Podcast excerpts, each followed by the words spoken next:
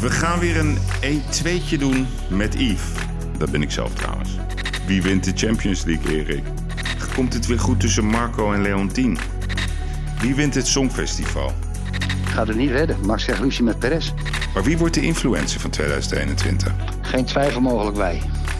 Kijk, ik sta een beetje bekend om, hè, ook op Twitter, dat mijn voorspellingen vaak uitkomen. Welkom bij de Gigs. Vrijdag 31 december. Ja, we dachten gisteren nog even, maken we er wel of niet één deel van. Maar we hebben zoveel te bespreken dat er een extra deel is gekomen. Dus ja, ik ga zo meteen weer bellen met Erik de Vlieger. En dan gaan we voort waar we gisteren zijn gestopt. Met onze terugkijkanalyse. Onze meningen is slechts een mening. Onze meningen zijn geen feiten, maar feiten zijn feiten. En daar blijven we natuurlijk altijd nieuwsgierig naar op zoek. En we gaan verder met het vooruitkijken naar 2021 en terugblikken op datgene wat ons vooral bezighoudt. Ik ga zeggen, molto bon dia, Erik de Vlieger. Dus ik ga hem nu bellen. Muito bom dia, senhor Gairat. Molto bon dia, senhor de Vinger. Voce caminho. Voce caminho. Uh, nou, nou, nou, nou, nou, nou, nou, nou. Het regent. Ja, maar Erik, je moet wel luisteren naar onze, onze ministers. Die hadden gezegd dat je moet wandelen iedere dag een half uurtje. Ja, ja maar het regent. En nou in? Je, je bent toch niet van suiker? Nee, maar dan wordt mijn telefoon ook nat en ik moet met jou praten. Oh, oké. Oké. Ja, dat is een technisch verhaal, maar je hebt wel gelijk. Ik loop wel veel hoor, dat moet ik erbij zeggen. Ja, Ik rij heel veel, ik rij heel veel. ja maar ook, ook, ook lekker bewegen. hè? Hey, ja, ja. Waren het gisteren. eh, Je zei, ze, de- de- ze stuurde me daarna, zei je van ja, je moet wel luisteren naar mijn grap. Wat dan? Luister ik niet naar je. Welke grap was dat? Nee, maar ja, kijk, weet je wat het. Nee, je, bent fantastisch. Je, je bent een fantastische podcastman. Dat, dat, dan, dan zou ik ook niet, niet samen met je doen. Het is net als onze gesprekken. Maar ik merk soms af en toe dat je wel. Het, het, eh, je draaiboek, en je moet een draaiboek hebben als radiomaker, dat weet ik. Maar dat je te veel op je draaiboek kijkt en dan mis je wel eens de kwikslagen van de grapjes van ome Erik. Ja, Erik, Erik, Erik, ja, nou, ja. Ja, deel 2 komt er nu aan. Maar ik, ik, zei, ik, zei, ik zei gisteren tegen jou dat ik zoveel plezier met je heb. En toen heb ik eh, Ja. dat mooie nummer van... ook. Ik wou dat ik jou was. Ja, Maar dat ja. was lief. Dat was lief, Yves. En, en ik, ik heb ook, ik moet ook zeggen, weet je, kijk, ik, ik ben natuurlijk al een tijdje in Portugal met COVID, wil ik niet reizen. En ik mis natuurlijk, ik ben natuurlijk gewoon een Nederlander en ik, ik, ik, ik hou van Amsterdam. Het einde van de rit, hè, weet je. En, en ik, ik, ik mis twee van mijn kinderen en mijn kleinkinderen Ja. enorm. Het FaceTime doet me goed, maar dit is voor mij die podcast eh, maken met jou is ja en we, doen er steeds meer werk aan als het ware en steeds Mhm. meer denkwerk over wat ik wil gaan zeggen is ongelooflijk fijn Yves het is ongelooflijk fijn Nou, ja en ik, toen ik vanochtend mijn broodje met Venco hagelslag maakte en een glas Maar Campina wacht, dat is melk weer 2000 bij de Lidl euro. Ja, en weer 2000 euro. Dat is lem, we hebben alweer vier. Bij de Lidl.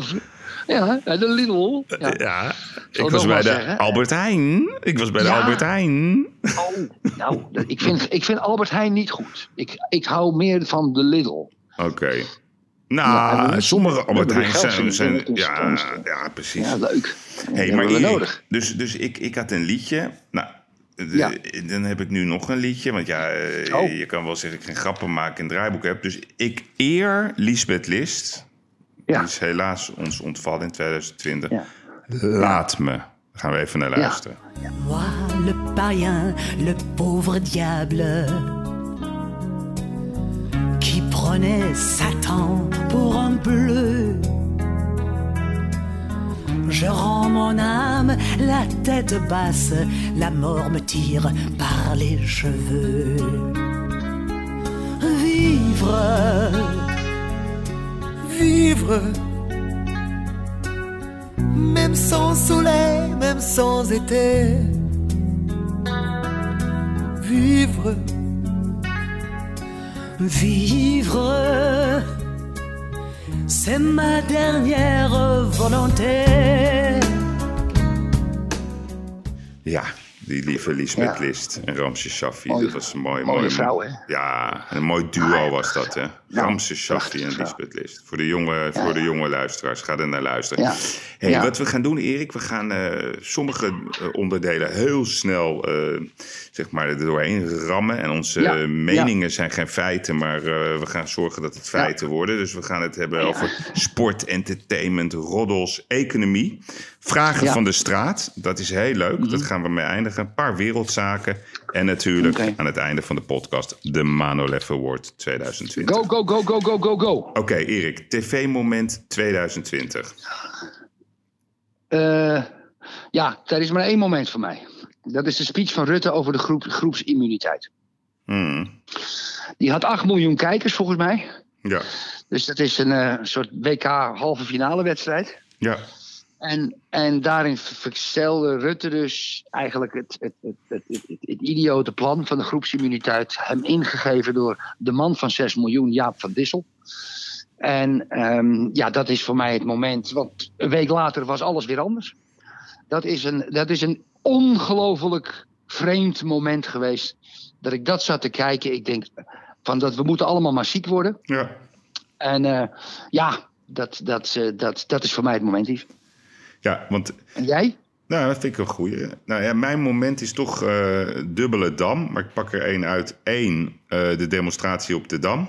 Dat was krankzinnig. De, Ja. Dat was Ja. de dag dat de horeca open ging. Ja, Ja. En dat ik met Won Jip belde. Die dacht dat hij naar een film van eh Kenneth Camera zat te kijken. Ja. Ja. Femke Halsema. Ja, Ja, ja. En, en, en, en, en toch wel een heel, heel essentieel onderwerp. Maar de discussie werd gewoon gekaapt door, eh, door Femke. Maar ja. Dan blijf ik bij de Dam. En dat is dan mijn moment van, de, van het jaar. Dat was toch de speech van de koning. Want ik zat ernaar te kijken, Erik. En toen dacht ik, zegt hij het nou echt? Zegt hij het nou echt? Hij, zei, hij bood zijn excuses aan, eindelijk. Voor zijn, eh, zijn zijn overgrootmoeder. Die natuurlijk de Joden gewoon in de steek heeft gelaten in de oorlog. Als je vergelijkt wat er gebeurde in Denemarken. En hij, het kwam uit zijn tenen, weet je. Eh, ik vond dat echt wel heel bi- bijzonder. En ik ga toch, een, toch een, een, een, een kijktip geven aan iedereen die, die wil nadenken wat oorlog is. En hoe dingen kunnen gebeuren en wat verraad eigenlijk inhoudt. De, Jo- de Joden en de Oranjes met een fenomenale, fenomenale Shirma Roes. Die dat op zo'n mooie manier eh, uitlegt. Eh, het woord mooi is heel gevaarlijk, omdat het natuurlijk... Het is afschuwelijk zwart, deze geschiedenis. Maar het is zo duidelijk is gemaakt wat, wat het Koningshuis gedaan heeft in de Tweede, in de tweede Wereldoorlog. Erik, Ja. jouw huis staat in de fik. Jouw kinderen zitten in het huis. En wat doe jij? Jij gaat naar buiten. Je gaat Ja. naar buiten, Erik. En, en, en dat is toch een waarheid waar ik heel blij mee ben dat dat ja, benoemd is. Dus ik vond het Hoe is, hoe, bijzonder. is in de, hoe, is, hoe is het in de Joodse gemeenschap gevallen? Ja, bijzonder. Bijzonder. Ja? Ja, Ja. zeker. Rechtvaardigheid is belangrijk. En eh, ja, hoe hard het verleden ook is, we zullen door moeten in het leven. Maar ja, je, kan niet, eh, ja, je kan niet leven met ontkenning als iets zo wezenlijks is. Het rechtvaardigheid Nee, maar ja, het antisemitisme wordt er niet, wordt er niet minder om, hè? Nou, je weet wel eens dat ik tegen jou heb gezegd, Erik, dat ehm zo'n moeilijk onderwerp dit, hè? Antisemitisme. Wat is dat nou eigenlijk, hè? Het komt altijd. Nou, Jodenhaat, hè? Wat dacht je daarvan? Ja, maar ik, ik, ik, het, is een, het is een discussie die ik echt een keertje met je wil voeren. Eh, als één onderwerp, niet even zomaar. Maar het is ook vaak. ehm, er zitten hele andere gronden achter waarom mensen iemand haten. Het is ook vaak eigen belang waarom mensen dingen roepen. Ik denk dat de mensen met elkaar. Eh, ik ga een tv-format hier de groep in gooien. Zet tien andersdenkenden in een ruimte een week lang met een psycholoog erbij, met begeleiders, over hele moeilijke thema's. En dan voorspel ik jou dat na een week de mensen elkaar gaan vinden. Ik denk dat de mensen gewoon onderling het gewoon prima met elkaar kunnen vinden en dat polarisatie ontstaat bijna altijd door politiek. Kijk, weet je, in Europa wonen 450 miljoen mensen. Laten we zeggen dat er 1% niet helemaal normaal bij zijn hoofd is. Maar 99% van de mensen zijn gewoon prima. Die kunnen allemaal met elkaar. En we zullen dat samen moeten bestrijden. Daar geloof ik in. Ja, ja, maar even, dus, dus we zitten nu op een spannend vlak. Want wij hebben natuurlijk vaker gesproken over antisemitisme. En en, en, en Joden. Ja, hebben wij vaak over gesproken, omdat jij ook een Jood bent. Ik weet geen hoe je dat moet zeggen. Een Joodse man of een Joodse afkomst. Je moet daar voorzichtig mee zijn. Ik ben zegt. gewoon een wij- mens, zoals we dat zeggen. Ja, dat weet ik. Dat Net zoals jij ook. dat ook Dat bent. En ik beoordeel, ik, beoordeel jou op je gedrag en je mag mij ook beoordelen op mijn gedrag. Ja, maar daarom is die discussie. Hè, en als we dan een hele verleden erbij nemen. En als we dan honderden jaren terugnemen. Dat is met jou toch altijd een moeilijke discussie. Ja, Nee. dat is een moeilijke discussie met jou. Omdat het, dat is een onderwerp wat, wat, wat mij aan het hart draagt. Maar dat, dat, dat, is, dat zit in jouw leven, in jouw bloed. Die hele ellende. Dat, en dat is, nee, ik, ga, ik wil toch uitpraten. En dat, is, dat, maakt het, dat maakt het voor jou ontzettend moeilijk. Ook om daar, zeg maar, openbaar over te praten. En dat snap ik helemaal, lieve vriend. Hmm. Ik snap dat. Ik snap dat. De pijn. De pijn die het Joodse volk nog voor eeuwen gaat voelen. Eeuwen gaat dat nog door. Die pijn. Hè, dat, dat, is, dat kunnen we niet uitgummen. En heel veel mensen. Ja, die kunnen dat ook niet voelen. En die hebben er wel een mening over. Ja, en dan krijg je die hele Israël-discussie weer. We gaan het allemaal niet voeren, Yves. Nee, Maar wij. wij maar je doet het wel. Je doet het wel. ja, maar voor mij, omdat je uit de tent wil lokken. Voor mij is het makkelijker in mijn gevoel om te duiden dan voor jou. Dat wil ik erbij zeggen. Ja, maar ik je toch iets over die pijn zeggen. Kijk, punt 1 hè, is het niet mijn pijn. Het is de pijn van mijn moeder. Dus ehm, Dat ik- is jouw pijn. Dat is jouw pijn. Ja, kom op nou. maar dat is logisch. Maar ik, heb, ik blijf erbij. Het is haar verhaal. En, en, en, en eh, ik heb Nee. een hele lieve... Nee. maar luister, Erik. Erik Ja. Dan moet je me ook even laten uitpraten. Ja, sorry. Kijk, mijn moe, ik ben pas in 2015, toen belde mijn broer mij op. Normaal zou ik eh, een balletje met hem gaan slaan. Je weet dat ik dat leuk vind, een beetje golf af en toe. We zouden naar Schotland gaan en toen zei hij tegen mij... we gaan iets anders doen. Toen wist ik meteen wat hij bedoelde. Ik zeg, is goed, we gaan. En daarmee bedoelde hij, we gaan naar Auschwitz, we gaan naar Ja. Birkenau. En toen zijn we naar, Ja. eh, naar Gdansk gegaan. En toen zijn we de avond ervoor zijn we een hapje gaan eten. Hmm. Eh, Toen kwam ik nog eh, jongens tegen uit Zweden. Die waren daar geweest. Stond ik buiten met ze te praten. Alsof ze naar een of ander pretpark waren geweest. Ja, het is heel raar om dat zo te noemen. Ja. Maar het was wel leuk en zo. Ja, toen denk ik, jongens, kom aan. Toen zijn wij, hebben we die rit gemaakt. En die laatste vijf minuten in die auto, Erik, de tranen biggelden over ja. mijn wangen. Ik, Ja, voelde iets, ik voelde iets wat ik, je, wat ik onder, onmogelijk onder, onder woorden kan uitbrengen. En toen ik daar was, Ehm, toen wou ik het zien. Eh, omdat blijkbaar kon ik het niet aan om het te zien. Omdat ik nogmaals zeg, het is het verhaal van mijn moeder. Die heeft daar haar ouders verloren. Dat zijn weliswaar mijn grootouders. Ehm, maar die pijn die ik toen voelde, voor, vooral voor haar, het onrecht wat ik gezien heb. En toen gingen we daarna nog eens naar Bierkanaal. En toen, toen, toen, ik zou dat nooit vergeten, Erik. Toen liep ik in dat bierkanaal, kan je een aantal trapjes eh, eh, lopen. En dan zie je dat gigantische bierkanaal. En toen dacht ik maar één ding, oh, dit wisten wij dus niet. Dit wisten wij niet. Zo, zo, zo, zo groot, Erik. En het enige wat ik toen met mezelf afsprak, en dat is het enige wat ik ook kan doen. Ik zal mijn leven lang, totdat ik doodga, zal ik me verzetten tegen onrecht. Welk onrecht het ook is. Dat is wat ik voelde op dat moment. Mooi, Yves, mooi, mooi. Je mag nooit, Erik, mensen uitsluiten op hun afkomst of wat ze ook zijn. Je moet mensen beoordelen op hun gedrag. Dat is het enige wat ik, wat ik hier nog over wil zeggen. En, Ja. en we, zullen, we zullen echt die verbinding moeten gaan zoeken met elkaar. We zullen moeten leren van de geschiedenis, hoe, hoe hard die geschiedenis ook is. En we gaan het, laten, we, Amen. laten we met elkaar Pro- af, Prachtig. Oké, maar laten we elkaar afspreken dat we hier een keer echt, een, echt, echt dieper op ingaan. Ja, ik ga nu ik ga een heel, heel raar bruggetje maken. ik ga er maar, ga maar om. Ja, want we gaan ook voorspellen wie wint de Champions League, Erik. Dat is heel makkelijk. Ja, Dat is heel makkelijk. Het is finale Bayern München tegen Leipzig. En dat wint München. oké. Nou Eh, misschien wint Leipzig dat ook wel. Maar laat ik, ik, de finale, twee Duitse ploegen. Bayern, Bayern München, beste voetballers. Stabielste. En, en Leipzig, ja, dat is echt een dark horse. oké. Nou, grappig. Jij? Ik- eh, Bayern München. Ik weet niet, eh, het Ja? is moeilijk om een finale te voorspellen, omdat het ook weer met loting te maken heeft. Maar eh, voor mij wordt het weer helaas Bayern München. Oké, Ja, maar Eens. Leipzig is mijn dark horse. oké. Wie wint de Europa League? Interesseert me geen zak.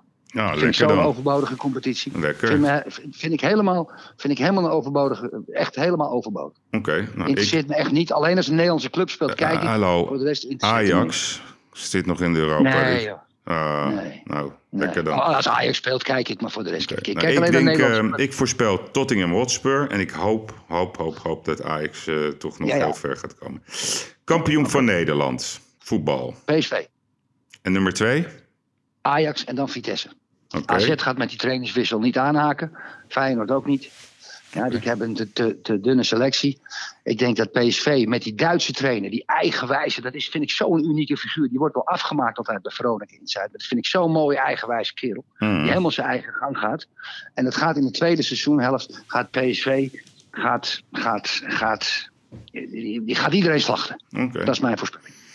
Wat jij? Ajax, PSV, AZ, Feyenoord, Vitesse. Dat zijn mijn nummer 1 Ja, tot en met AZ 5. gaat het niet worden, Ja, iets nummer met de drie. trainerswissel. Ja. Eh, die hebben zoveel kwaliteit. Genoteerd. Genoteerd. Genoteerd. Genoteerd. EK voetbal, Genoteerd. die gaat gewoon komen. Wie, wie wordt Ja. eh, Europees kampioen en wat gaat Nederland doen? Nou ja, Nederland zit in de pool, zag ik bij Oekraïne, Oostenrijk en Noord-Macedonië. Volgens mij. Altijd Daar lastig. Komen ze wel, Altijd lastig. daar komen ze glansrijk uit. Eh daar pakken ze nog een team, wat het ook is. En dan gaan ze eruit tegen een van de grotere clubs. Winnaar Spanje. Dit is, dit is eng. Ik heb eh Nederlands elftal gaat eruit in de kwartfinale en Spanje wint. Nou, zijn een, Goh. be- een beetje vervelend begint dit. Dus, eh, nou, Ja, ja, zeg. ja, dus Ja, laten we goed. maar hopen dat er toch iets geks gaat gebeuren. Ja. even, zullen we heel even luisteren, voor de, ook, ook weer voor de jonge luisteraars. Het doelpunt, dat vond ik het mooiste voetbalmoment uit mijn persoonlijke leven. Van Basten, Mm. halve finale in het stadion van Schalke tegen Duitsland. Ja. De Ja, 2-1, laatste minuut. Oh, Ja. ja. de ja. paas van Jan Wouters. Jack van Gelder. Ja. We gaan er even naar Ja. luisteren. Maar Koeman. Koeman gaat het misschien nog een keer proberen via een lange bal. Ja hoor, doet hij inderdaad knap naar Jan Wouters. Wouters, meteen door naar Van Basten. Van Basten schiet. Ja! Ja! Van Basten tikt er weer ineens in. Dus dat rekent er weer op. En is daar ineens die nek aan Van Basten. We zeggen dat hij de ook te land speelde. En ineens komt hij daar langs van voren. En tikt die bal in de uiterste hoek langs Eiken Ivo. Hoe is het mogelijk? Hoe is het mogelijk zeg? Die gekke Van Basten. Je denkt dat hij al een minuut of tien te slapen. Ja, Kippenvel.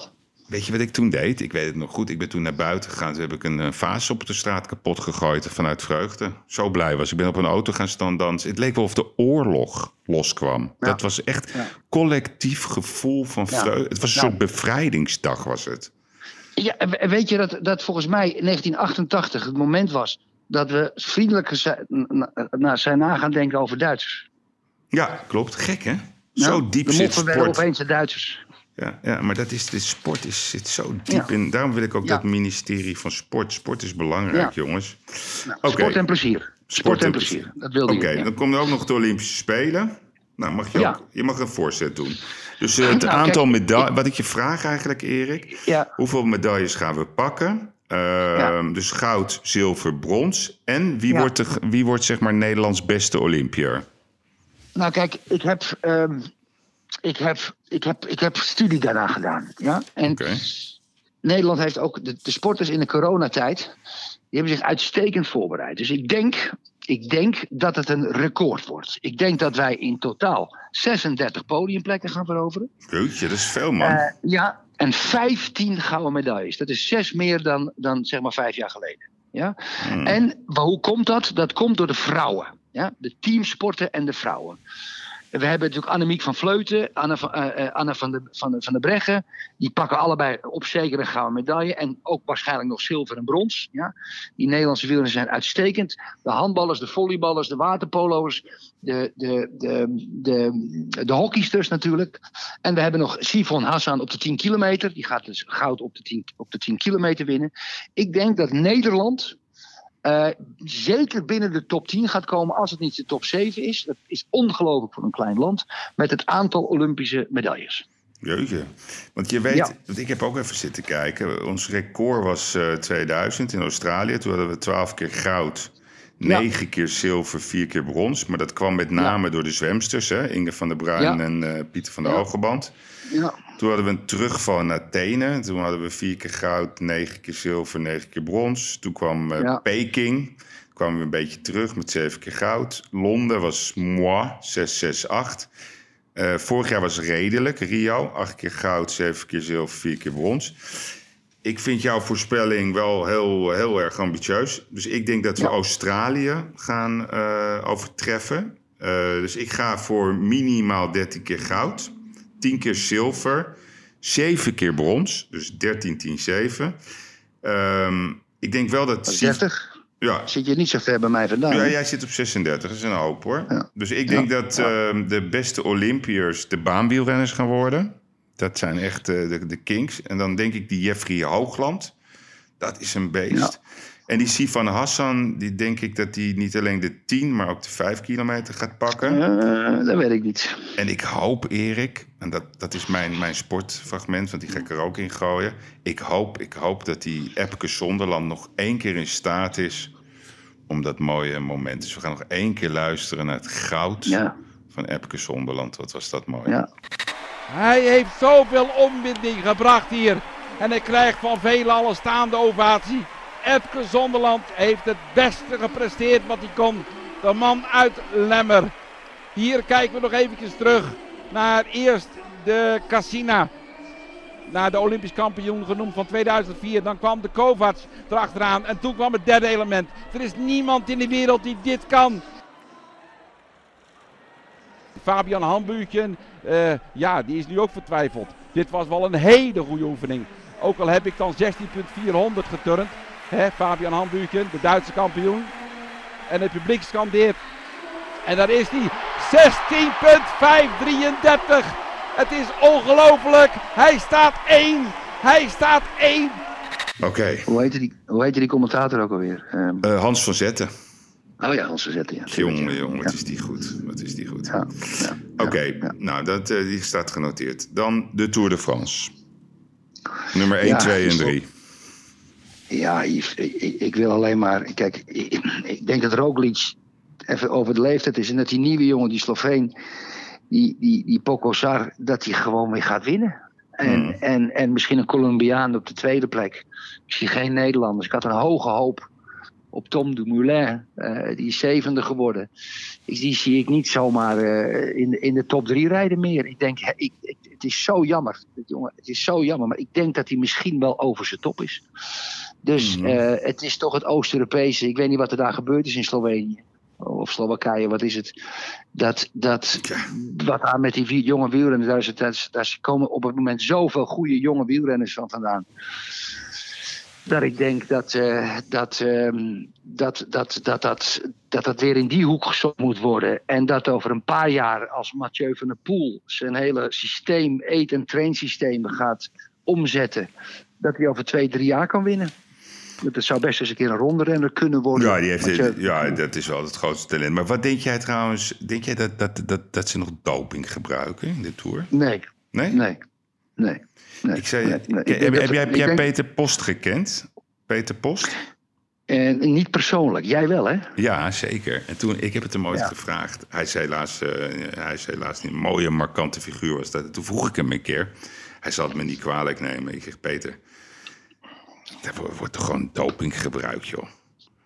Yves, ze gebruiken allemaal doping.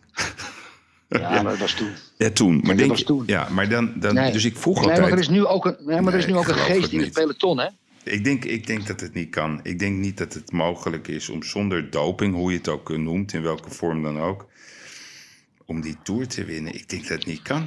Maar ik geloof het graag hoor dat het wel kan. Maar toch denk nee, ik dat wel. het niet kan. Kijk, het kan wel. En kijk, Yves, kijk, vroeger wisten die wielrenners allemaal van elkaar dat ze doping gebruikten. Dat was een geheim. Mm. Nu, als er een wielrenner gepakt wordt, dan schamen ze zich voor het vak. Ja, dan ben je ook een paria in het peloton. Dus er zal een incidenteel iemand wel een beetje experimenteren. Italianen bijvoorbeeld. Hmm. Ja, maar die zijn altijd een beetje valspelers, Italië. Met alles, dat zag je Ferrari ook verleden jaar, die gingen vals Het is een beetje Italiaans. Die vinden dat niet erg als ze maar winnen.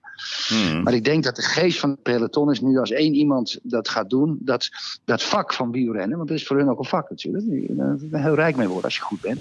Hmm. Dat dat zo in een, eh, in een slechte hoek wordt gezet. Dat je dan eigenlijk voor eeuwig niet meer serieus genomen wordt. En geliefd bent in het peloton. En als je gehaat bent in het peloton, moet je wel heel goed zijn om te winnen. Hmm. Dus ik, denk het niet. Ik denk Oké. het niet. Nou, ik denk eh, dat uh, Roglic weer de tour, toch de Tour gaat winnen dit keer. Ik denk dat ze nu veel meer die piek gaan gooien op de Tour. Hij had, eh, hij te vroeg gepiekt. Dus ik, ik ga voor, Mhm. voor Roglic. De tweede plek wordt een Nederlander. En welke Mhm. dat wordt, dat gaan we zien. Eh, dat kan natuurlijk Dumoulin zijn, maar dat kan ook eh, Steven Kruiswijk zijn. Ja, de derde plek, joh, daar ga ik niet eens wat over zeggen. Kan iedereen worden. hey Erik, jij hebt, ehm, jij hebt niks met golf, hè? Daar heb jij niks mee. Nee. Nee, ik heb een golfbaan. Ja, ja, dat weet ik. Ja. Maar wie, ja, wie de Masters gaat winnen. Ja, dit, ik, ik heb zo genoten van. eh dat was, dat was twee weken geleden. was vader-zoon toernooi. En toen had Tiger Woods met zijn zoontje van 11.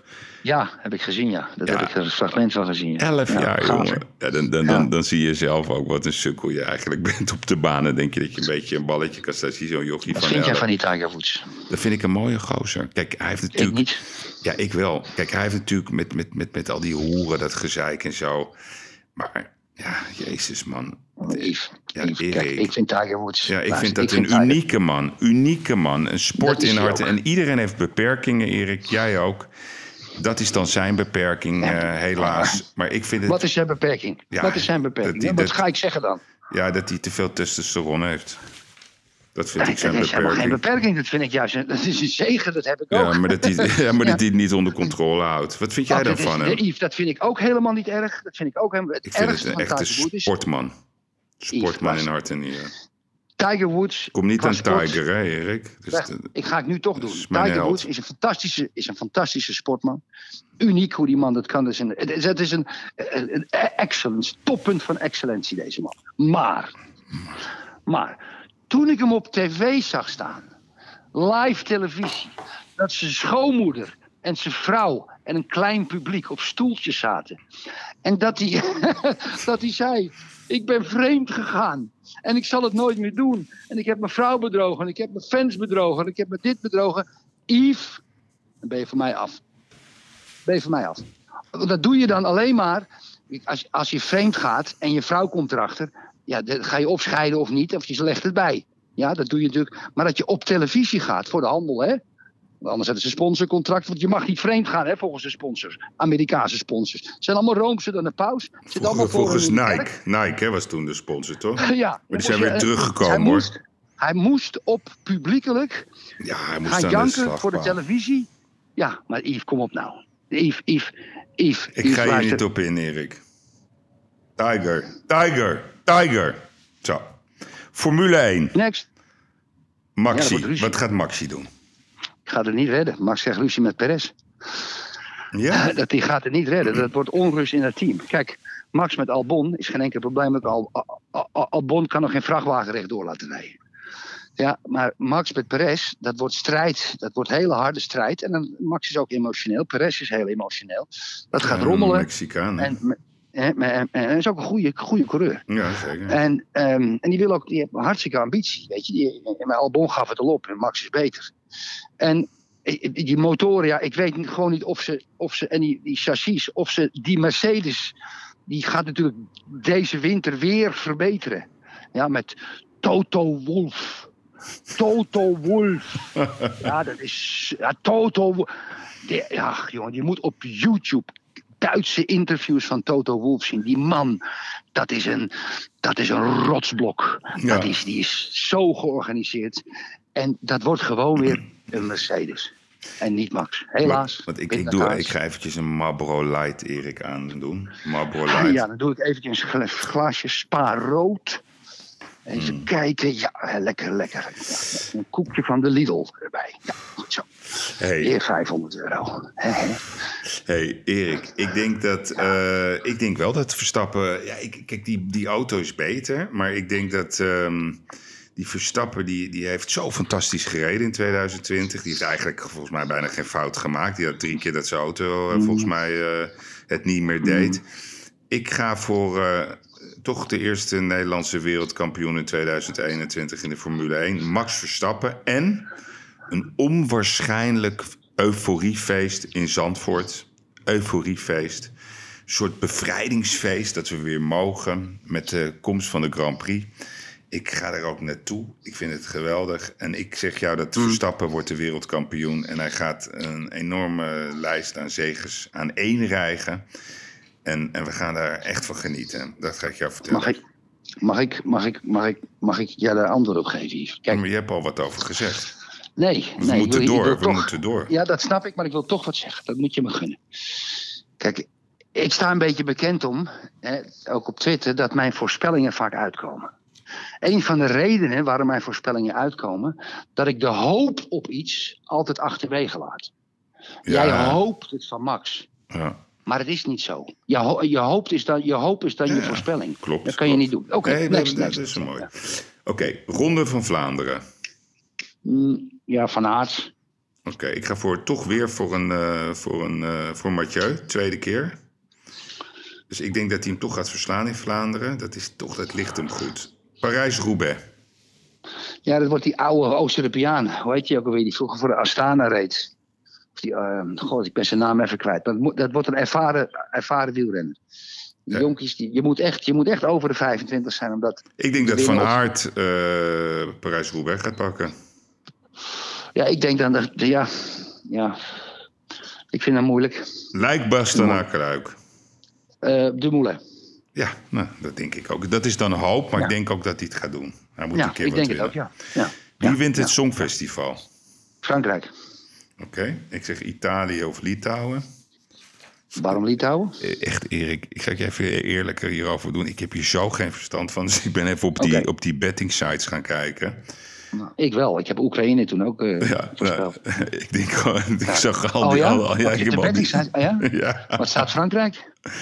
En Frankrijk. ehm, ja, dat weet ik niet. Nederland stond wel in de top 10. Maar ik zag Italië of Litouwen. Ik zeg, ik ga gewoon een beetje... Oké, eh, oké, goed. Ik Frankrijk. De Ja? onzinvoorspelling van 2021. Wie wordt de influencer van 2021? Maar voordat we daarnaar gaan luisteren, even een kleine. Ja, ik vond het zo grappig. Even het fragment van de, van, van de influencers van 2020. Famke Louise. Nou ja, kijk, ten eerste, ik heb superveel respect voor eh, corona. ja. Ze had respect voor corona, maar zo bedoelde Ze had het respect niet. voor corona, Zo flauw, ja. flauw hoe ze haar aanpakte. Ja. Dus Famke, we Ja, vinden, Gommers- we vinden jou hartstikke lief. Ja, die deed dat lief. ja, En ik vind die ja. Famke ook lief. Maar wie wordt de influencer van 2021? Geen twijfel mogelijk wij. Oké. Geen twijfel mogelijk. Geen twijfel mogelijk. Kijk, we, Yves, wij zijn eigenlijk net begonnen met die po- podcast. We denderen gauw door de 100.000. Eh, Ik denk, dat- ja, zegt het altijd, we tikken tegen de 200.000 aan. Ja. We hebben vijf, zes echt grote dingen gedaan. Waarbij de enige die niet echt opgepakt werd, was de ruzie tussen, tussen, tussen Rutger Groot-Wassing en Femke Halsema. Ja, ik niet... direct uit de stopera hoorde. En dat Jesse Klaver kwam bemiddelen uit Roosendaal. Bij Rutger Groot-Wassing thuis.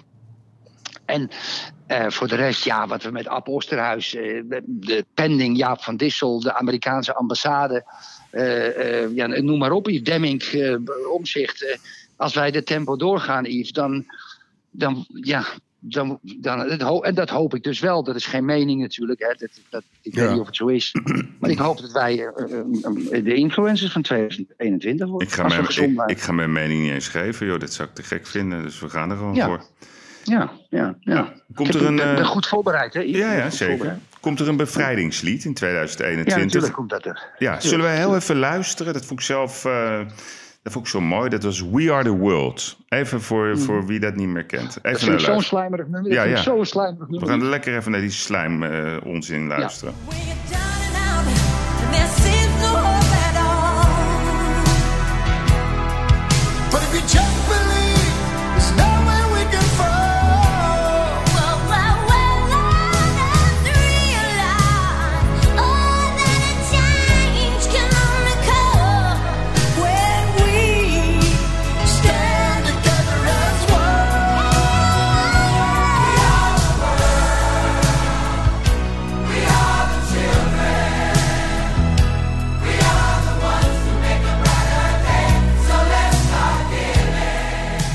Wat een onzin. Oké, We Are The World. We Are The... Komt, wie, wie gaat het grote bevrijdingslied maken? Want dat, 2021 wordt het gewoon het jaar van de bevrijding. Nou, dat zal ik je uitleggen. Je hebt een paar weken geleden heb je gesproken met iemand die ook een lied voor ons gaat maken. En die wil mij graag ontmoeten. Die vindt Ja. mij een mooie gozer. Mhm. Dat vond ik heel leuk om te horen, want ik vind hem ook een mooie gozer. Thomas Acta. Dat is, dat is Thomas Akda. En als we Thomas gaan ontmoeten, hè, en dat hoop ik ergens in februari of maart te doen, dan ga ik Thomas Akda uitleggen, ja, met juiste argumenten, dat hij in Nederland het bevrijdingslied moet maken. Oké. En die moet van de zomer uitkomen. En er moet ook een lekkere Ja. zomertune worden. Vroeger had je liedjes. Je, je, je hoor je wel eens terug. Zo. Ik, ik, ik zit in de auto altijd, zet ik YouTube op mijn kanalen. En als ik dan met mensen rijd, de dochter van mijn vriendin bijvoorbeeld, dan zeg ik, nou kijk even, dan doe ik titels en dingen. En er zitten veel zomerliedjes bij. Vrolijk. Hmm. Ja. En als Thomas Acta een vrolijk zomerliedje kan maken, vrolijk, ja, die dat geeft dan aan het volk. Ja, dus Mm. Ik heb een liedje voor jullie gemaakt. Niemand hoeft te betalen. Ja, dit is het lied. En, eh, en, en af en toe zegt hij Lidl of, of Campina ertussendoor. Daar krijgt hij geld voor. Hè? Weet je wel. Dus dat is, dat is het ook weer betaald. Dat vinden we allemaal niet erg. En dat moet Thomas Acta doen, Yves. Dat is mijn mening. Oké, nee, je noemde het de Lidl, maar de Rabobank, is dat nou een kutbank of is dat een goede bank? we hebben nog geen belletje gehad, ja, dus we mogen nog steeds vragen. Oh, ik struikel bijna van lachen. Kijk, weet je wat met Rabobank? Je moet, als je in de Rabobank komt en je ziet daar de mannen, hè, die hebben allemaal een Rabobank Oké, Ja? Dat, is, dat zijn die stekeltjes van een, van een centimeter, drie, vier. Niet kaal, want dat is een beetje. Ja, of ze moeten echt kaal zijn met ouder. Maar ik noem altijd, kijk, dat zeg ik altijd tegen mijn kameraden. Kijk, die gozer heeft een Rabobank kapsel. oké. Dus, maar dat, nou, Hey, en dan hadden we nog een vraag van een van de, van de twitteraars, die vond ik wel leuk. Welke maand wordt de warmste maand van het jaar? ja, In ik heb, Nederland. 18 augustus opge ik heb 18 augustus als warmste dag. Hmm. 18 Oké, nou ik ga voor juni en dan ga ik voor 23 juni. Dat is veel te vroeg hier. Ja, ik denk dat de, dat de zomer heel vroeg gaat komen. We gaan het zien, we gaan het zien. Hey, en dan Ja, nog een vraag, komt het weer goed tussen Marco en Leontien? Dat vroegen we 100 naar- procent. Ja? Ja, tuurlijk. Want Marco gaat het net doen als, eh, als, ehm, als eh, hoe heet die gast? eh, Tiger, je, je, je grote idool, Tiger Woods. Oké. Je gaat een interview krijgen op televisie bij een soort Linda. Ze een beetje over hutsenflutsen dingen gaan, eh, gaan, gaan praten. En dan zegt Marco, ja, ik ben vreemd gegaan. Ik ga het nooit meer doen. En ik, ik, ik wil zo graag met Leontien en de kinderen terug. En dan gaat Leontien, dat is allemaal een beetje voorgekookt. Dat is net voor, voordat er een aantal concerten gaan plaatsvinden. Marco, hè? Marco heeft natuurlijk ook geen inkomsten gehad. Nee. Dus die moet de tweede helft van, van, van 2021 moet die kassa weer gaan rinkelen. En daar, heb je, daar heeft hij Leontien bij nodig. Hmm. En Leontien hem ook. Ja, want eh, eh, daar gaat natuurlijk ook. eh, daar wordt natuurlijk ook de, de onderkant van de koektrommel gaan ze nu zien. Want de koekjes die beginnen aardig op te raken.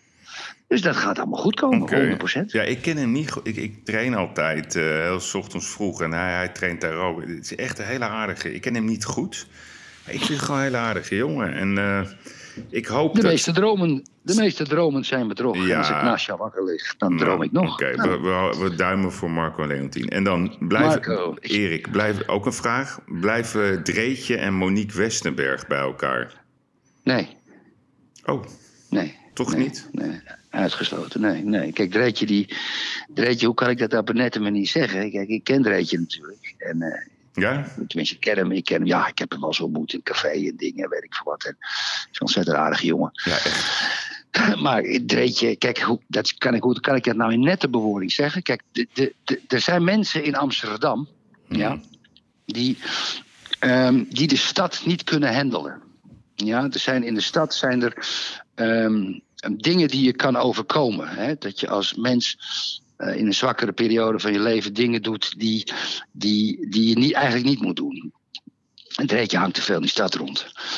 En dat gaat een keer fout. Oké. een een ik hoop het niet. Ik hoop het niet. Nee, ik, ik hoop- zou een leuke anekdote vertellen over hem. Eh, dat was toen begin jaren van de Miljonair Fair. Ik weet niet meer welk jaar het was, eh 2003 of 4. En toen liep die kleine dreetje daar rond. Dat was echt zo, zo heel leuk, jochie. Toen kwam hij naar me toe. Meneer, meneer, eh, mag ik u wat vragen? Ik zei, ja, ja, tuurlijk. Nou, ik ben eh, Dreetje en eh, een zoon van. En ik zeg, ja, hij zegt, ja, ik ben aan het collecteren voor een goed doel. Wilt u me even helpen? Ja, jongen, en dan, ja, dan smelt Leuk, ik. Ja, ik, dan Ja. smelt ik. Ja. Toen had ik hem een beetje ehm, eh, in contact gebracht met allerlei mensen op de beurs. Connie gaf hem gelijk 2500 euro. En toen zag ik al, zo, dat is een gedreven Connie jongen. Ja, die gaf meteen, hè? En veel ook. En ja, ik, Ja. Ik, ik vind dat, ik weet niet. Ik denk wel dat deze, ik denk niet. Dat zal, ik, dat, ik dat, denk zal dat, Hans, dat zal Hans van Breukhoven leuk gevonden hebben. Ja, die Hans. Hans. Die Hans, Ken je? André Hazen senior? Nee, die heb ik nooit ontmoet, helaas. Ja? Nee, Ja, ik, ik heb hem een paar keer ontmoet. Ik nooit. En, eh, en, eh, Wat en een held is keer- hij, hè? Hij is een held. Ja, ja, ja, ja maar het was wel mooi. En ik, ik was in Zandvoort, hè. En, eh, en dan gaf hij een concert in een, in een club. Dat was, god man, ik denk dat het 40 jaar geleden was of zo. eh, in de Boeddha Club. En die stond hij op een podium. En toen zaten gewoon mensen die zaten op dat podium met de rug naar, hem- naar hem toe. En dat vond hij zo irritant. Dus hij gaf die ene gozer eh, tijdens het zingen een klein schopje zo op zijn onderrug. Zeg, rot eens even op van het podium. Die gozer zegt, krijgen, ga, hou je gauw op. Ja, allemaal zandvoort dus natuurlijk. En toen gaf hij die gozer een rotschop. Tijdens het zingen, echt een rotschop. En dat werd een vechtpartij. Ja. Het werd gewoon een vechtpartij. Ja, toen was het concert afgelopen. Oh, nou ja. Ja, ja. Nou ja, kijk, ja, ik, ik, vind, ehm, ik, vind, ik vind André Hazes, dat vind ik gewoon geschiedenis. Ik, ik bedoel, het plezier wat die man Ja, ons heeft gegeven. Maar vooral de, de inhoud van zijn teksten. Ik vind zelf uh, Kleine Jongen het mooiste nummer qua tekst. Ik zo'n mooi nummer. Weet je, dat, weet je dat de excursie in Patagonië, daar is het zuiden van Zuid-Amerika. Daar kan je met een boot een excursie maken van een cruise. En dan kom je op een gegeven moment op een soort binnenhaven. En dan heb je een soort nederzettingjes. En die ene heet Duitsland, die andere heet dat. En dan heb je ook Nederland. En wat ze daar. En dan kom je aanvaren. Dat heb ik gehoord. Ja, kom je aanvaren. En dan draaien ze bloed, zweet en tranen van André Hazes. En dan serveren ze bitterballen. Oh. Dat is echt waar wat ik je nu vertel. In Patagonië, ergens in het zuiden. Wauw. Ja, ja, wil ik ja, naartoe. ja. Ga ik een keer naartoe. Ja, ja. Een lach mij vandaag. Verproefd van het leven,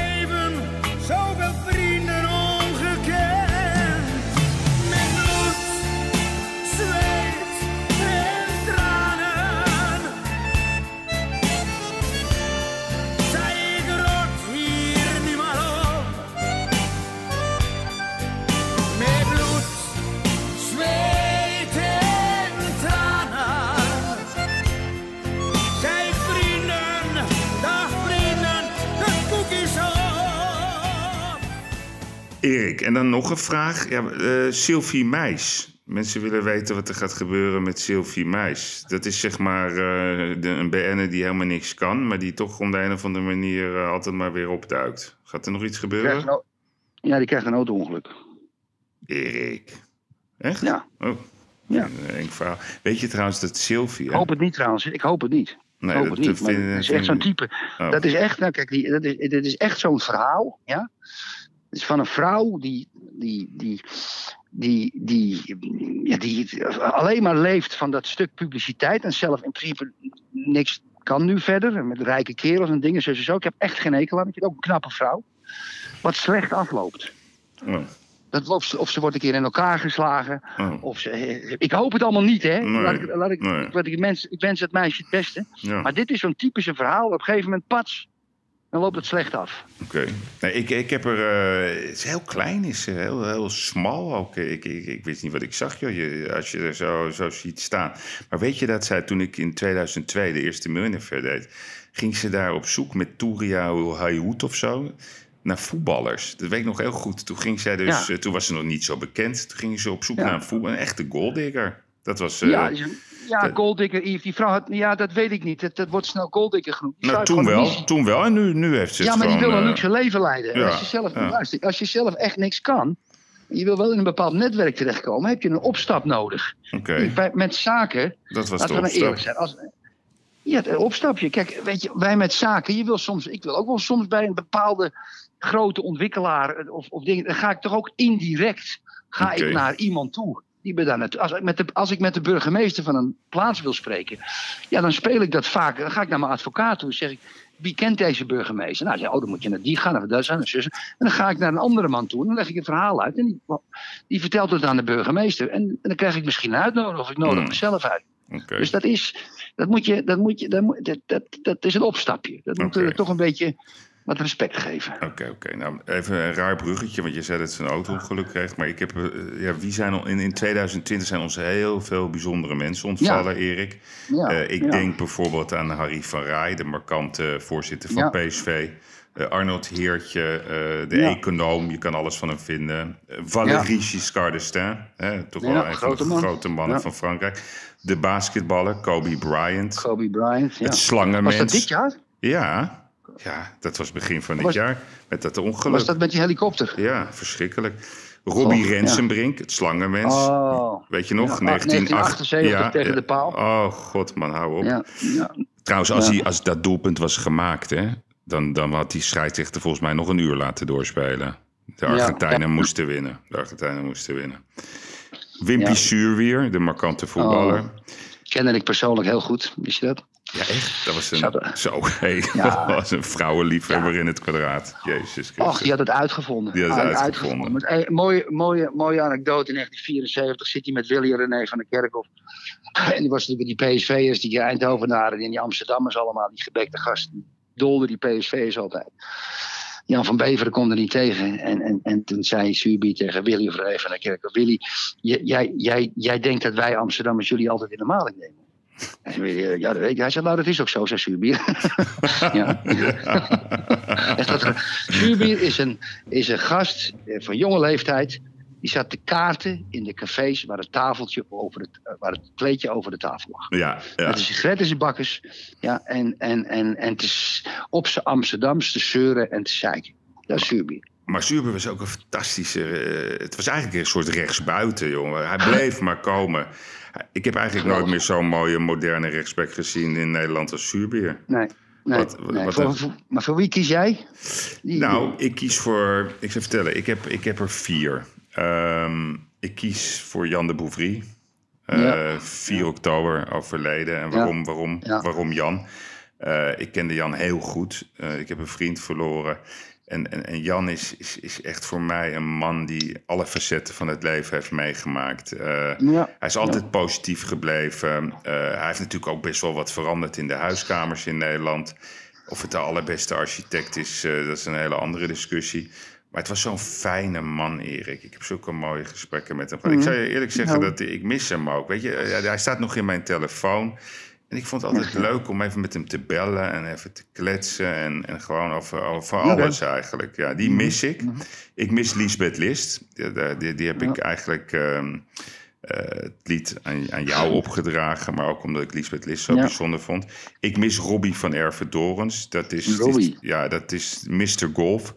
Mr. Ehm, Golf, ja. Ja, Ik kwam, hem nog laatst, ik kwam hem nog tegen op de polo van, eh van, eh van Cor Verzadel. ja, geloof ik. Toen had hij, en toen wilde hij zijn- portefeuille pakken en dan had hij een pakje Viagra-pillen. Ik kan het nu zeggen. Oh, Toen had hij zo'n pakje Viagra-pillen. Pakte hij zo'n zijn kaartje of zo. Daar zat een Via- zo'n pakje Viagra-pillen zat er tussen. Hij zei ja, dan moest hij ontzettend lachen. Ik moest ook lachen. Stonden wat mensen bij. Zei ja, die heb ik nu nodig hè. Die heb ik nu nodig. Nee, maar die Robbie, die moet je voorstellen. Die man is, die is in december overleden, 12 december. Ja, die was 80 plus en die liep gewoon nog eh 18 holes, joh. Alsof het een jochie van 17 was. Eh, wat een mooie beste- man. Mooie man. Beste vriend, van- beste vriend van Prins Bernhard, hè, dat weet je.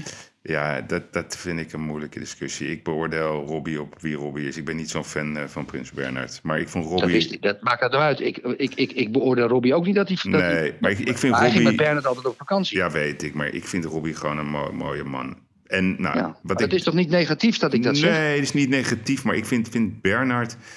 Ja, vind ik, eh, maar die bewaren we voor een andere podcast. Hey. En dan, ehm, ik sluit, ik sluit mijn ode en dan ben jij aan de beurt. eh, af met Sean Connery. Hmm. Eh, Dr. No from Russia with Love. Diamonds Are Forever. En mijn favoriet, Goldfinger. En waarom? Omdat we allemaal wel eens een keertje een dagje James Bond willen zijn. Dus even een kleine Ja. ode aan Sean Connery, Goldfinger. Daar komt hij hier. Nou, Goldfinger. He's the man, the man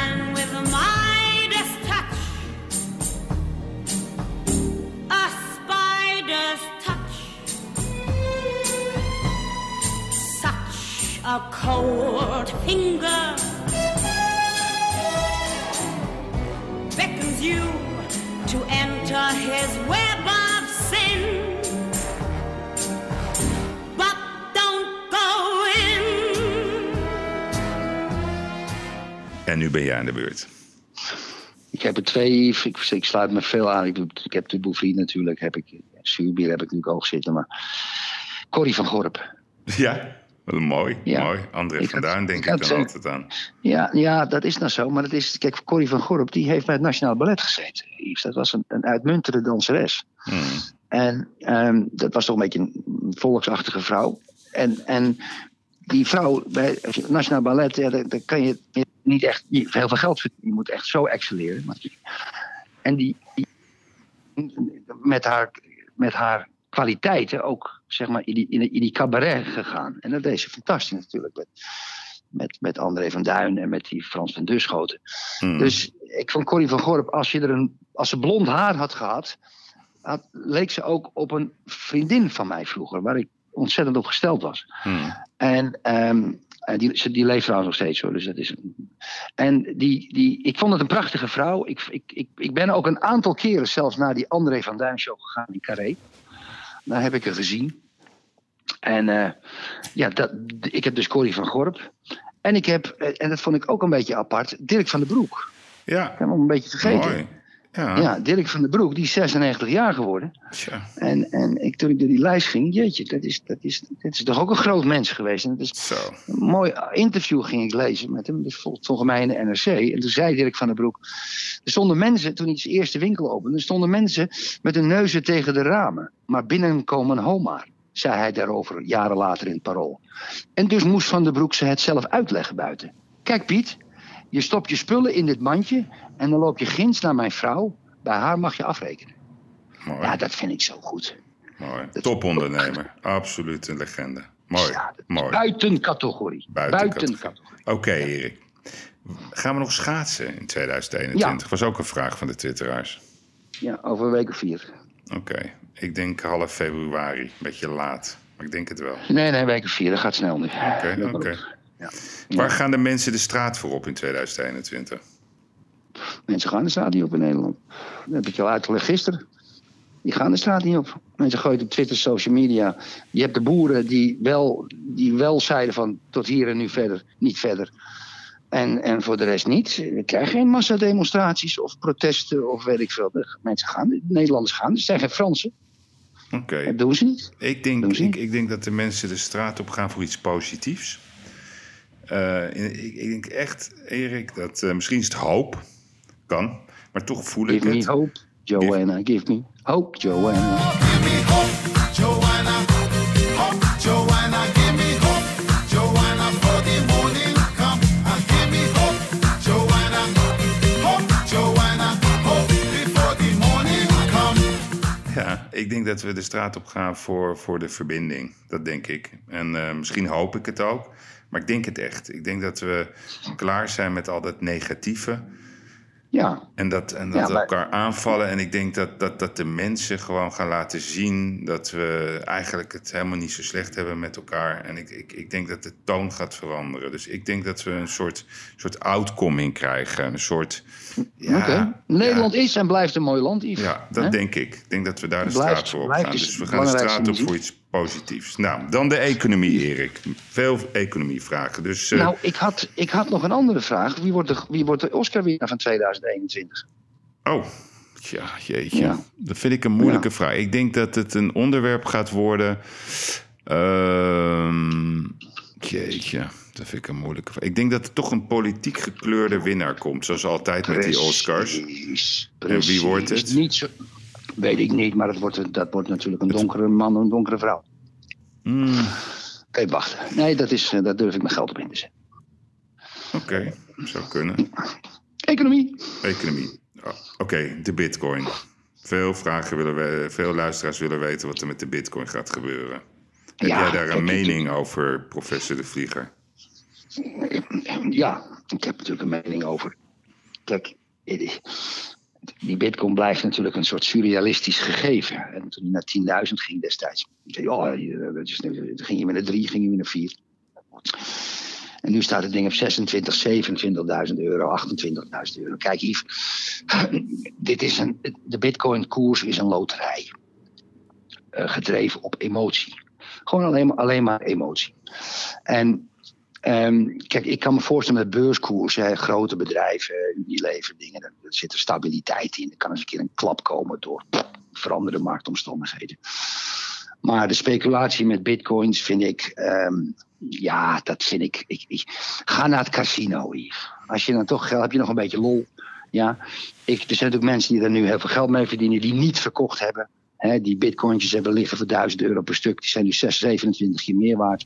Eh, vooral moet je doen, maar ik vind het een hele instabiele, enge wereld. Dat vind ik. En het is natuurlijk wel een soort vervanging voor contant geld. Ja, dus eh, ja. Ja, ik, ik, ik ben het hier helemaal niet met je eens. Ik zal ook uitleggen waarom. Ik. Ik, ik volg dit al zeven jaar, de bitcoin. En in het begin was het natuurlijk heel onduidelijk met die Satoshi. Wie is Satoshi? Wat zit erachter? Ja. Maar even, even, gewoon even de harde cijfers. De, de, de, de, de market cap, hè, dus de waarde van bitcoin... dat is inmiddels zo, ligt dat al rond de 500 miljard. En wat ik goed vind Ja, aan, aan bitcoin... Er worden maar maximaal... wat? Ja, en? Ja, Waar- ja, maar er worden maar en- 21 miljoen bitcoins uitgegeven. Dus eigenlijk vergelijk het met goudvoorraad. Hè? Dus hoe meer schaarste er is van iets, hoe meer iets waard gaat worden. En waarom, waarom heb ik wel heel veel vertrouwen in de bitcoin? Is dat, kijk, in het begin werd er een beetje ge- gedaan. Ik weet nog dat ik in 2013 vroeg ik aan een zogenaamde deskundige... wat vind jij er nou van? Nou, die zei eigenlijk wat jij zei.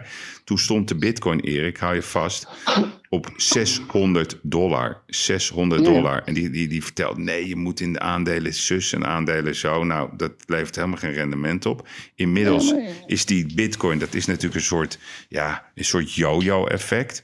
Maar waarom denk ik dat die bitcoin echt ziek gaat doorbreken? Ik, ik durf te voorspellen dat hij in 2021 minimaal de 40.000 dollar gaat aantikken. Dat durf ik gewoon te zeggen. En waarom denk ik dat? Omdat het omdat mensen klaar zijn met het oude geldsysteem. Dus er wordt maar bijgedrukt en bijgedrukt aan geld. Geld, er, er, wordt, er komt gewoon inflatie. Dat kan niet anders. Dat weet jij ook. Dat kan niet anders. Dus mensen gaan zoeken naar andere vluchthavens. En die bitcoin, inmiddels alle grote family offices zitten erin. De pensioenverzekeraars, die zitten erin. Dus er wordt, ik vind het niks. Ik er vind wordt- het helemaal niks. Ja, nee, nou oké, daar hoeft het niet over eens te zijn. Dus ik, Nee, ik, ik ben nee, voor de bitcoin en ik denk ook dat dat een, eh, een grote vlucht gaat aannemen. Ik, ik durf zelfs Ja. te voorspellen dat binnen vijf jaar de bitcoin naar de 250.000 gaat. We hebben het er nog over. Maar Nou ja, wat, goed, maar kijk, wat gaat dat Als ze dat betekenen? als, als ze Ja. dat contante geld schaffen. Ja, wat, wat gaat dat betekenen voor dat contante geld? Want dat, dat, dat, dat zijn ook allerlei discussies over. Daar heb jij, Ja, nogal, is een- jij hebt daar nogal een mening over, toch? Ik, ik, heb dat, en ik heb dat geprobeerd aan mensen te schrijven, ook in de Tweede Kamer. Ik heb dat een aantal keren in interviews gezegd. Hè, en dat, dat, daar wil ik iets over zeggen. Weet je? Want de tendens is om contant geld af te schaffen. Hè. Ik meen dat je nu, dat zei Wopke Hoekstra, dat je iets van maximaal 3000 euro nog maar bij je mag hebben. En waarom, hè? waarom? Waarom doet de overheid dat? Hmm. Omdat, ja, enerzijds om de drugshandel hè, af te schaffen. Want als je niet kan contant betalen, dan, dan is dat een probleem. En de overheid heeft de verslavende noodzaak om fiscale controle uit te oefenen over ons. Alle geldstromen moeten in beeld gebracht worden. Hè? Dus die vrijheid zijn we aan het kwijtraken. Maar Yves, indien alles qua betaling online gaat, is het makkelijker ja, voor hackers, afpersers, Chinezen of kortom vijanden om onze betalingssysteem voor langere tijd uit te schakelen. Ja, satellieten opblazen, weet ik veel wat ze allemaal kunnen doen. Alles is technisch mogelijk. Maar stel ja, dat ze dat drie of vijf dagen uitschakelen. Ja? Hmm. En we kunnen niet meer betalen. Wat gaat er dan gebeuren? Dan kunnen mensen niet naar de supermarkt gaan, of naar de slager, of de groenteman, of de bakker. Die kunnen niets meer kopen als je geen contant geld hebt. Want je kan immers niet online betalen. Dan gaat het kettingreactie, dan gaan de leveranciers, de toeleveranciers, de distributiebedrijven, die gaan ook niet leveren. Immers, er kan niet betaald worden en we leven in een kapitalistisch systeem. Je koopt iets en je betaalt. En wat gaat er dan gebeuren, Yves? Dat zal ik je ook uitleggen. En ik herhaal het voor de zoveelste keer. Die term die heb ik zo vaak gezegd. We zijn namelijk zeven maaltijden van een burgeroorlog verwijderd. Als jij geen ontbijt, lunch of avondeten krijgt. en je krijgt het de dag erna ook niet. en je kinderen ook niet. en je wordt wakker. en er is weer geen ontbijt. weet je wat jij dan gaat doen, Yves? Dan ga je het halen. Hmm. Je gaat het halen. En als jij het gaat halen en ik ga halen en andere mensen gaan halen, dan treedt er een ander mechanisme in werking. Namelijk de wet van de jungle. Iedereen voor zich of iedereen in een groep, in een sterke groep, want er gaan dan sterke groepen ontstaan. Het wordt fysiek. Mensen die het eten zelf gaan halen. En daarom, Yves, is Wopke Hoekstra levensgevaarlijk. De Europese Centrale Bank en de Nederlandse Bank zijn levensgevaarlijk bezig. En Wopke is gewoon een internetkind. Die heeft geen idee van de relatie van ons online leven en de geschiedenis. Eten gaan halen. De geschiedenis van de zeven maaltijden. En McKinsey, zijn oude werkgever, is geen graadmeter, want dat is allemaal theorie. Die instanties en die mensen die willen dat contant geld wordt afgeschaft, plegen wat mij betreft een toekomstige misdaad tegen de mensheid. Want de ellende is niet te overzien indien ze contant geld afschaffen, afschaffen wanneer er een technische ramp ontstaat. Levensgevaarlijk, Yves. We worden bestuurd door vol idioten. Oké.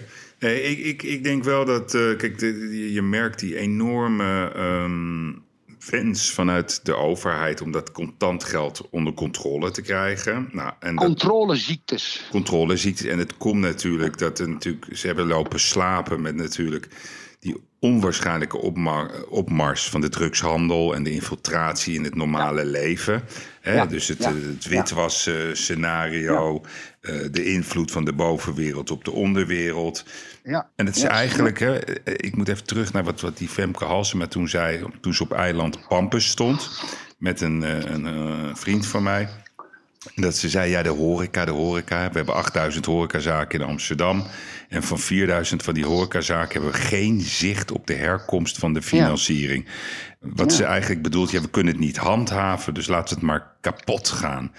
Te veel werk, wat we Ja, gisteren zeiden. te veel werk, ja. En, en, en het falen, als je, als je nou de, de, echt het falen van, van overheidsdiensten helder wil hebben, dan gaat het over het contante geld. Dus daar ga ik wel met je in mee. Ik vind gewoon dat mensen, ik zeg altijd cash is king. Iedereen moet gewoon contant geld kunnen hebben, voor wat voor reden ook.